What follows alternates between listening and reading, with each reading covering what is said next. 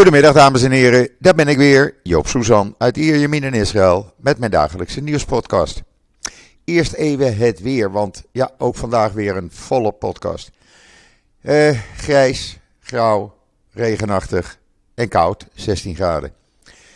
Het was voorspeld en we krijgen het, maar na vandaag voorlopig geen regen meer, wordt het zonnig en lopen de temperaturen in het weekend op rond de 20 graden, dus we klagen niet. Waar we wel over klagen is uh, Omicron, of eigenlijk gezegd COVID-19. Want wat voorspeld is, ja, dat uh, gaat gebeuren en gebeurt ook. Dinsdag bijna 190, bijna 190.000 mensen werden getest op COVID-19 en toen bleken er 11.978 met het virus besmet te zijn. Dat zijn er 1334 meer dan op maandag. Ook het positiviteitspercentage stijgt. Er staat nu op 6,65 procent. Nog niet zo erg als in Nederland, waar het bijna 31 procent is, maar toch, eh, het gaat hard. Er zijn nu 12.278 meer COVID-patiënten, oftewel 57.858. Eh, ja, dat gaat dan erg snel. Als er elke dag 12.000 of meer bijkomen, uh, ja, dan uh, voordat je het weet zit je op 100.000. Er wordt trouwens voorspeld dat we in de komende dagen richting 20.000 besmettingen per dag gaan. In de quarantainehotels zitten 34 mensen, terwijl in de ziekenhuizen 49 meer mensen zijn opgenomen. 285 liggen er nu in. Daar zijn er 125 van ernstig ziek. Uh, 46 zijn de kritiek. Eh, waarvan er 38 aangesloten aan de beademing. Er is niemand overleden. Het R-nummer van Israël, dat staat nu op 1.94. Dat betekent dat één persoon zeg maar twee anderen kan besmetten. En ja, dat is dus Omicron die daarvoor zorgt. Er werd ook bij gezegd dat 75% van de patiënten in de ziekenhuizen niet is gevaccineerd en over het algemeen jonger is dan 25 jaar. Uh, ja, het gaat dus gewoon niet goed. Maar er is ook positief uh, nieuws. Want uh, premier Bennett, u kunt het videootje nog zien mocht u het gemist hebben in het artikel op Israël Nieuws. Pre premier Bennett heeft gisteren tijdens een bezoek aan het Sheba Medical Center aangekondigd dat uit de eerste bevindingen na tien dagen testen blijkt dat de 154 personeelsleden die de vierde vaccinatie hebben gehad, die zagen hun uh, antilichamen vijfvoudig toenemen. En dat is natuurlijk goed nieuws. Dat heeft mij doen besluiten om uh, toch voor de vierde vaccinatie te gaan. Als het goed is, krijg ik die vanmiddag om vijf uur onze tijd. Vier uur bij u in Nederland. Uh, ook blijkt dat niemand van de mensen die de vierde vaccinatie hebben gehad uh, daar enige bijwerking van heeft gekregen. Uh, ja, er zitten inmiddels zo'n 100.000 mensen thuis. Uh, ook mensen die dus met een besmet persoon in aanraking zijn geweest. En men gaat dat beleid dus nu veranderen. Gevaccineerden die met iemand in aanraking zijn geweest die besmet is, hoeven niet meer in quarantaine hier. die kunnen een PCR-testje doen of een antigenetest. En dan uh, hoeven ze niet in quarantaine. Dat is goed nieuws. Wat ook goed nieuws is, dat het er naar uitziet, zo bleek uit de commissievergadering in de Knesset, dat we volgende week geen rode landen meer op de lijst hebben staan in Israël. Dat betekent dat iedereen die is gevaccineerd Israël kan binnenkomen. Je krijgt dan wel een test bij aankomst en dan moet je in quarantaine totdat de uitslag bekend is. Maar de ervaring leert dat die uitslag over het algemeen in een paar uur bekend is. Dus dat, uh, ja, dat gaat goed. En dan, ja, het land uh, is natuurlijk nog vol van die helikoptercrash die uh, maandagavond plaatsvond en waarbij twee piloten omkwamen. Op Israël Nieuws het verhaal van de enige overlevende. Hoe die geprobeerd heeft de twee piloten uit het toestel te krijgen. Hoe hij eruit is gekomen. Uh, hij opende de deur tijdens uh, de momenten dat het toestel probeerde op zee te landen, of eigenlijk crashte, nadat het een, zoals het er nu uitziet, een brand in de linkermotor had gekregen. hij kon er dus uitkomen, probeerde nog zijn, de twee piloten eruit te halen. Dat is helaas niet gelukt. hij alarmeerde met zijn waterdichte telefoon de hulpdiensten die kwamen binnen een paar minuten, want het was uh, niet ver van de marinehaven van Haifa. En de man is nu herstellende. Hij uh, heeft het erg moeilijk met het feit dat hij die twee piloten er niet uit kon halen. Uh, hij kreeg gisteren bezoek van de commandant van de marine en de commandant van de Israëlische luchtmacht. En die prezen hem voor de manier waarop hij gehandeld heeft. Um, ja, men probeert nu te onderzoeken hoe die linkermotor in brand is kunnen vliegen. Men heeft het, uh, uh, de helikopter uit zee opgetakeld. Daarbij uh, werden de twee piloten ontdekt. Die zaten nog in hun stoelen, zaten ook vast in hun veiligheidsriemen. En men begrijpt niet hoe het kan dat deze niet uit hun stoelen konden komen. Eh, dat verhaal zal voorlopig wel even doorgaan. U kunt het trouwens allemaal lezen en de video zien op uh, israelnieuws.nl. En dan uh, heeft de Israel Innovation Authority de ondertekening aangekondigd met, uh, van een overeenkomst met CNH Industrial. Dat is een ja, multinationale onderneming waarbij wordt samengewerkt op het gebied van technologie, Israëlische technologiebedrijven, die dan met CNH Industrial, en dat is een wereldleider in de kapitaalgoederensector, gaan samenwerken. Zij kregen dan toegang uh, ja, tot de hele wereld eigenlijk, overal waar dat bedrijf contacten heeft. Uh, is natuurlijk hartstikke goed. En dan, uh, ja, Gisteren hadden we een prachtverhaal. Ik weet niet of u het gelezen heeft. Bas Belder heeft een interview gedaan met professor Dr. Herman van Praag. Dat ging over mensenrechten in historisch perspectief. En voornamelijk over Jodenhaat en Israëlhaat. Heeft u het nog niet gelezen? Lees het even als u tijd hebt op israelnieuws.nl, want het is echt een aanrader. Um, wat ook op Israël Nieuws staat, is dat uh, uh, men heeft opgravingen gedaan. En men heeft een 2700 jaar oud toilet gevonden. Maar daarbij ook darmworm-eieren blootgelegd. Waardoor uh, kon worden vastgesteld dat de elite in Jeruzalem 2700 jaar geleden, ja het is toch een tijd, vanwege de slechte hygiënische omstandigheden, leed aan infectieziekten. Men weet precies welke, doordat men die uh, uh, darmwormeieren uh, kon onderzoeken.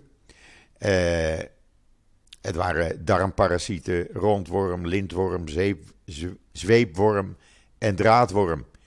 En ja, dat is toch weer een fantastisch onderzoek wat ze hier gedaan hebben. Het hele verhaal met foto's en uitleg natuurlijk op israelnieuws.nl. En dan, ja hoor, je kon erop wachten, zeg ik eigenlijk. Dylan Yesil Gos, de nieuwe minister in het nieuwe kabinet Rutte van Justitie, Israël-fan en uh, ja, pro-Joods. Die ligt onder de loep bij BNN Vara. En wat hebben ze nu al gedaan?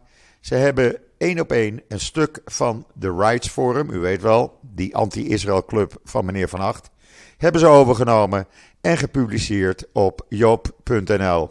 Ik heb daar niks mee te maken, het heet toevallig zo.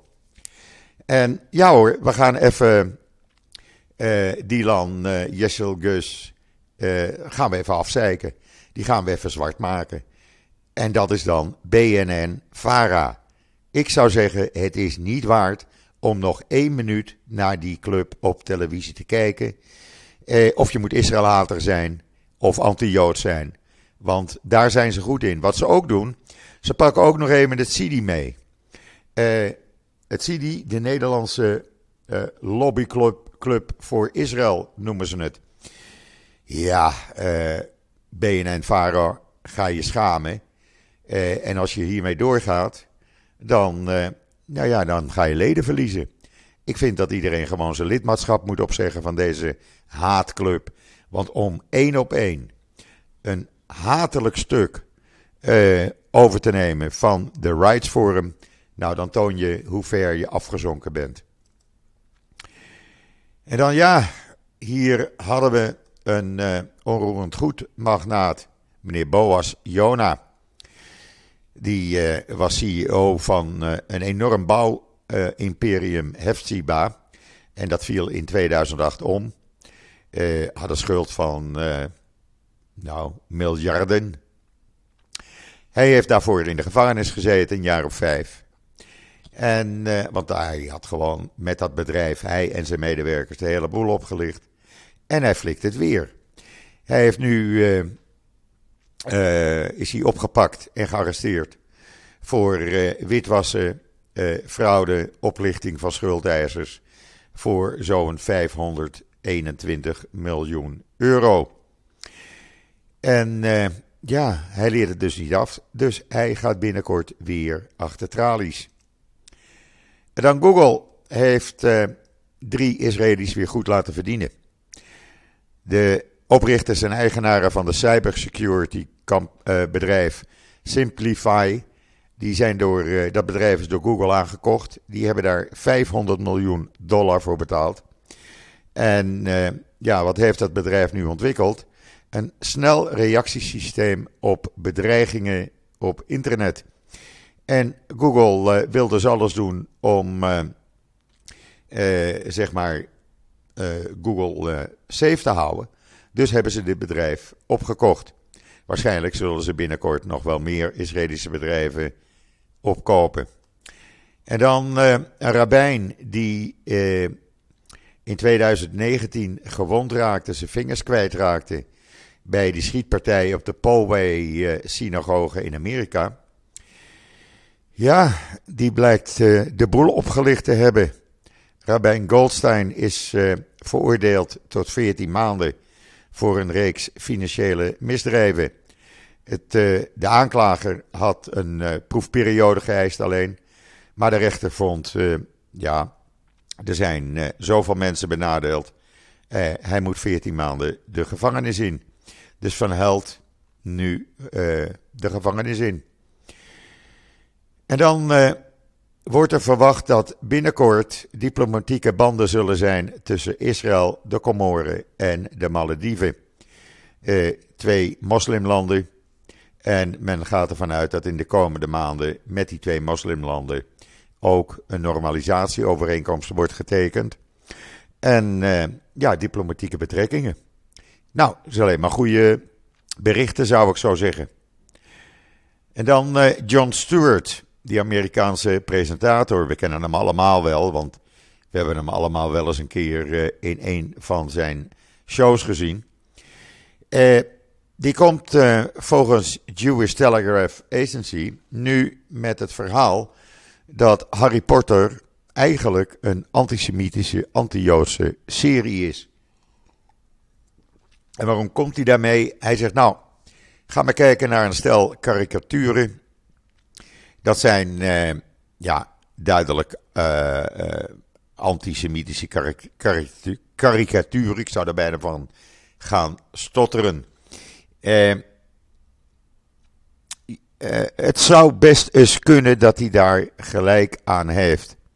En dan zegt mevrouw Rowling: nee, het is gewoon een karikatuur. Nee, zegt hij, het is een karikatuur van een Jood uit een antisemitisch stuk literatuur. En dat kan gewoon niet.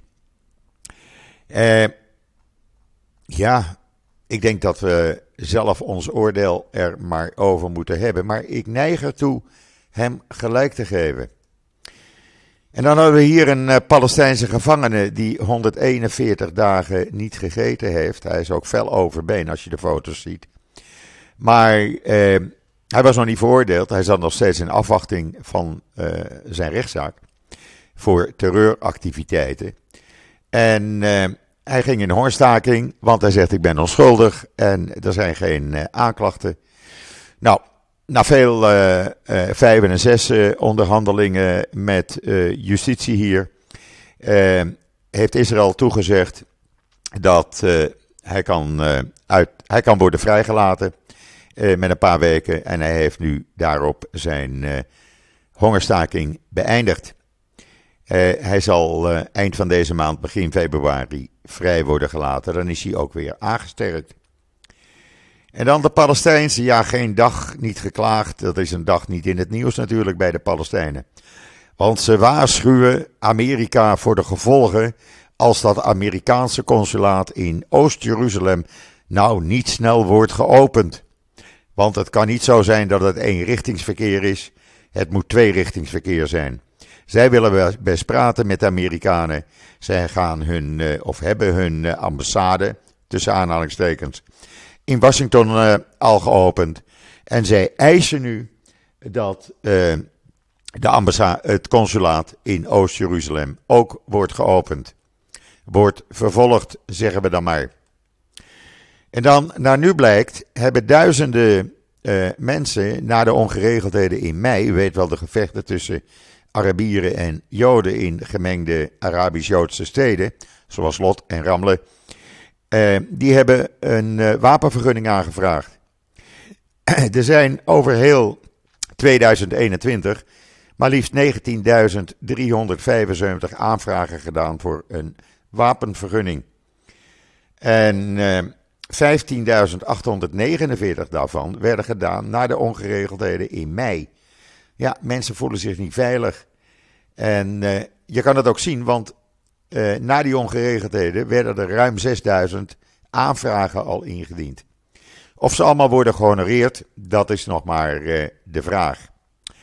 Ja, wij moeten ons allemaal aan de richtlijnen houden, maar voor overheidspersoneel schijnt dat niet te gelden hadden we gisteren al het verhaal van de onderminister van Buitenlandse Zaken.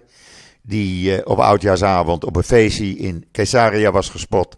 Uh, zonder masker, zonder afstand houden. Nu is het de militaire secretaris van premier Bennett. Die op een feestje was, nota bene bij NSO. Dat bedrijf wat onder een vergrootglas, vergrootglas ligt. Want ja, ook hij hield zich niet aan de voorschriften en hij, hij kwam dus lekker in het nieuws op uh, tv en nu in alle kranten. Hoe hij dat gaat verklaren, ik weet het niet. En dan de oppositiepartij. Ja, zij hebben hun eigen manier van democratie. Zij vonden dat een wet waarbij illegaal gebouwde Arabische woningen eh, toch elektriciteit aangesloten krijgen, dat die wet te snel eh, werd ingediend en ze zijn niet van plan aan een stemming daarover mee te werken. Nou, dan wordt die wet gewoon aangenomen. Eh, want dat is eh, de enige manier om te laten zien hoe democratisch je bent, vonden de oppositiepartijen onder leiding van de Likud van Netanyahu. En ze zijn dus niet bij de stemming aanwezig. Ja, eh, als je zo te werk gaat, dan weet je zeker dat je wetsvoorstellen niet kan tegenhouden. Maar goed, dat is de democratie zoals de Likud denkt dat die zou moeten zijn. En dan uh, heeft de inlichtingenchef van uh, de IDF gezegd, meneer Aaron Halevi, dat uh, beperkingen op het nucleaire programma van Iran in het kader van de Iran-deal beter zijn voor Israël dan helemaal geen Iran-deal. Er zit wat in. U kunt het lezen op de Jeruzalem Post, want het is nogal een heel lang artikel. Eerder had Lapid al gezegd, de minister van Buitenlandse Zaken, dat uh, wat hem betreft uh, het beter kan zijn dat er een Iran-deal is die misschien niet optimaal is, maar dat dat beter is voor Israël, ook wat betreft de betrekkingen met Europa en Amerika. En dan is met onmiddellijke ingang gisteren het jachtseizoen in Israël stopgezet. Wegens de voortgaande vogelgriep. Er zijn gisteren weer twee uh, boerderijen ontruimd. Eén met uh, kalkoenen en één met kippen. En ja, ik zag het gisteravond op televisie. Het is verschrikkelijk. Mensen hebben meteen geen inkomen meer. En ja, je kan er niets tegen doen. Uh, het eerst trouwens ook in Nederland en andere Europese landen. Maar voor het eerst in Israël dat het zo groot is. En ja, dat is toch wel een ramp. En ik voorzie. Sorry, even een slokje water. ik voorzie dat uh, we dus een eierentekort gaan krijgen. Of we moeten eieren gaan importeren. En ook misschien een kippen- en kalkoentekort, omdat Israëli's, eh, in mij meegerekend, nogal gek zijn op kip eten. En honderden kilo's kip per jaar eten, veel meer dan u in Europa doet. Dus ja, daar is toch wel een beetje paniek op dit moment in de tent. En we zullen zien hoe dat, uh, ja, of die vogelgroep uh, nu uh, tegengegaan kan worden. Maar ik zag gisteren beelden uit de Gula-vallei. Maar het is toch wel triest hoor. Al die bijzondere vogels, kraanvogels die dood zijn, die liggen in dat Gula-meer. ja, ik vind dat vreselijk om te zien. En iedereen eigenlijk. Uh, hopelijk uh, is het gauw uh, ja, dat men het kan beperken of er iets tegen vindt. Ik weet het niet. Maar ja, naast de COVID en Omicron toestanden hebben we dit er dus ook nog bij. Ja, wat betreft COVID, ja, ik zei het al in het begin. We gaan richting 20.000 besmettingen op een dag. En de verwachting is dat over een week of twee, zeggen de geleerden hier, ehm, ja, het hoogtepunt moet zijn bereikt. En we, ja, ook al wil de regering dat niet, toch een soort kudde-immuniteit hebben. In ieder geval, dan zou het uh, de pandemie een endemie worden en zou het licht aan de tunnel in zicht zijn, zeggen de experts hier. Onder andere Iran Sigal. Als u hem niet volgt, aanrader, ga hem volgen op Twitter, Iran Sigal. Uh, hij heeft het altijd bij het juiste eind. Hij is een van de top-experts uh, ter wereld. Hij werkt bij het Weizmann Instituut en ik volg hem al twee jaar. Goed, brengt mij tot het einde van deze podcast op deze regenachtige, regenachtige en grauwe dag in Israël. Ik hou er niet zo van. Uh, wens u allemaal nog een hele mooie en veilige dag toe. Het gaat in Nederland ook niet echt goed. Ik zag gisteren ruim 18.000 besmettingen. Hou je aan de regels. En uh, we komen daar echt wel doorheen. Ik ben er morgen weer en zeg zoals altijd: tot ziens, tot morgen.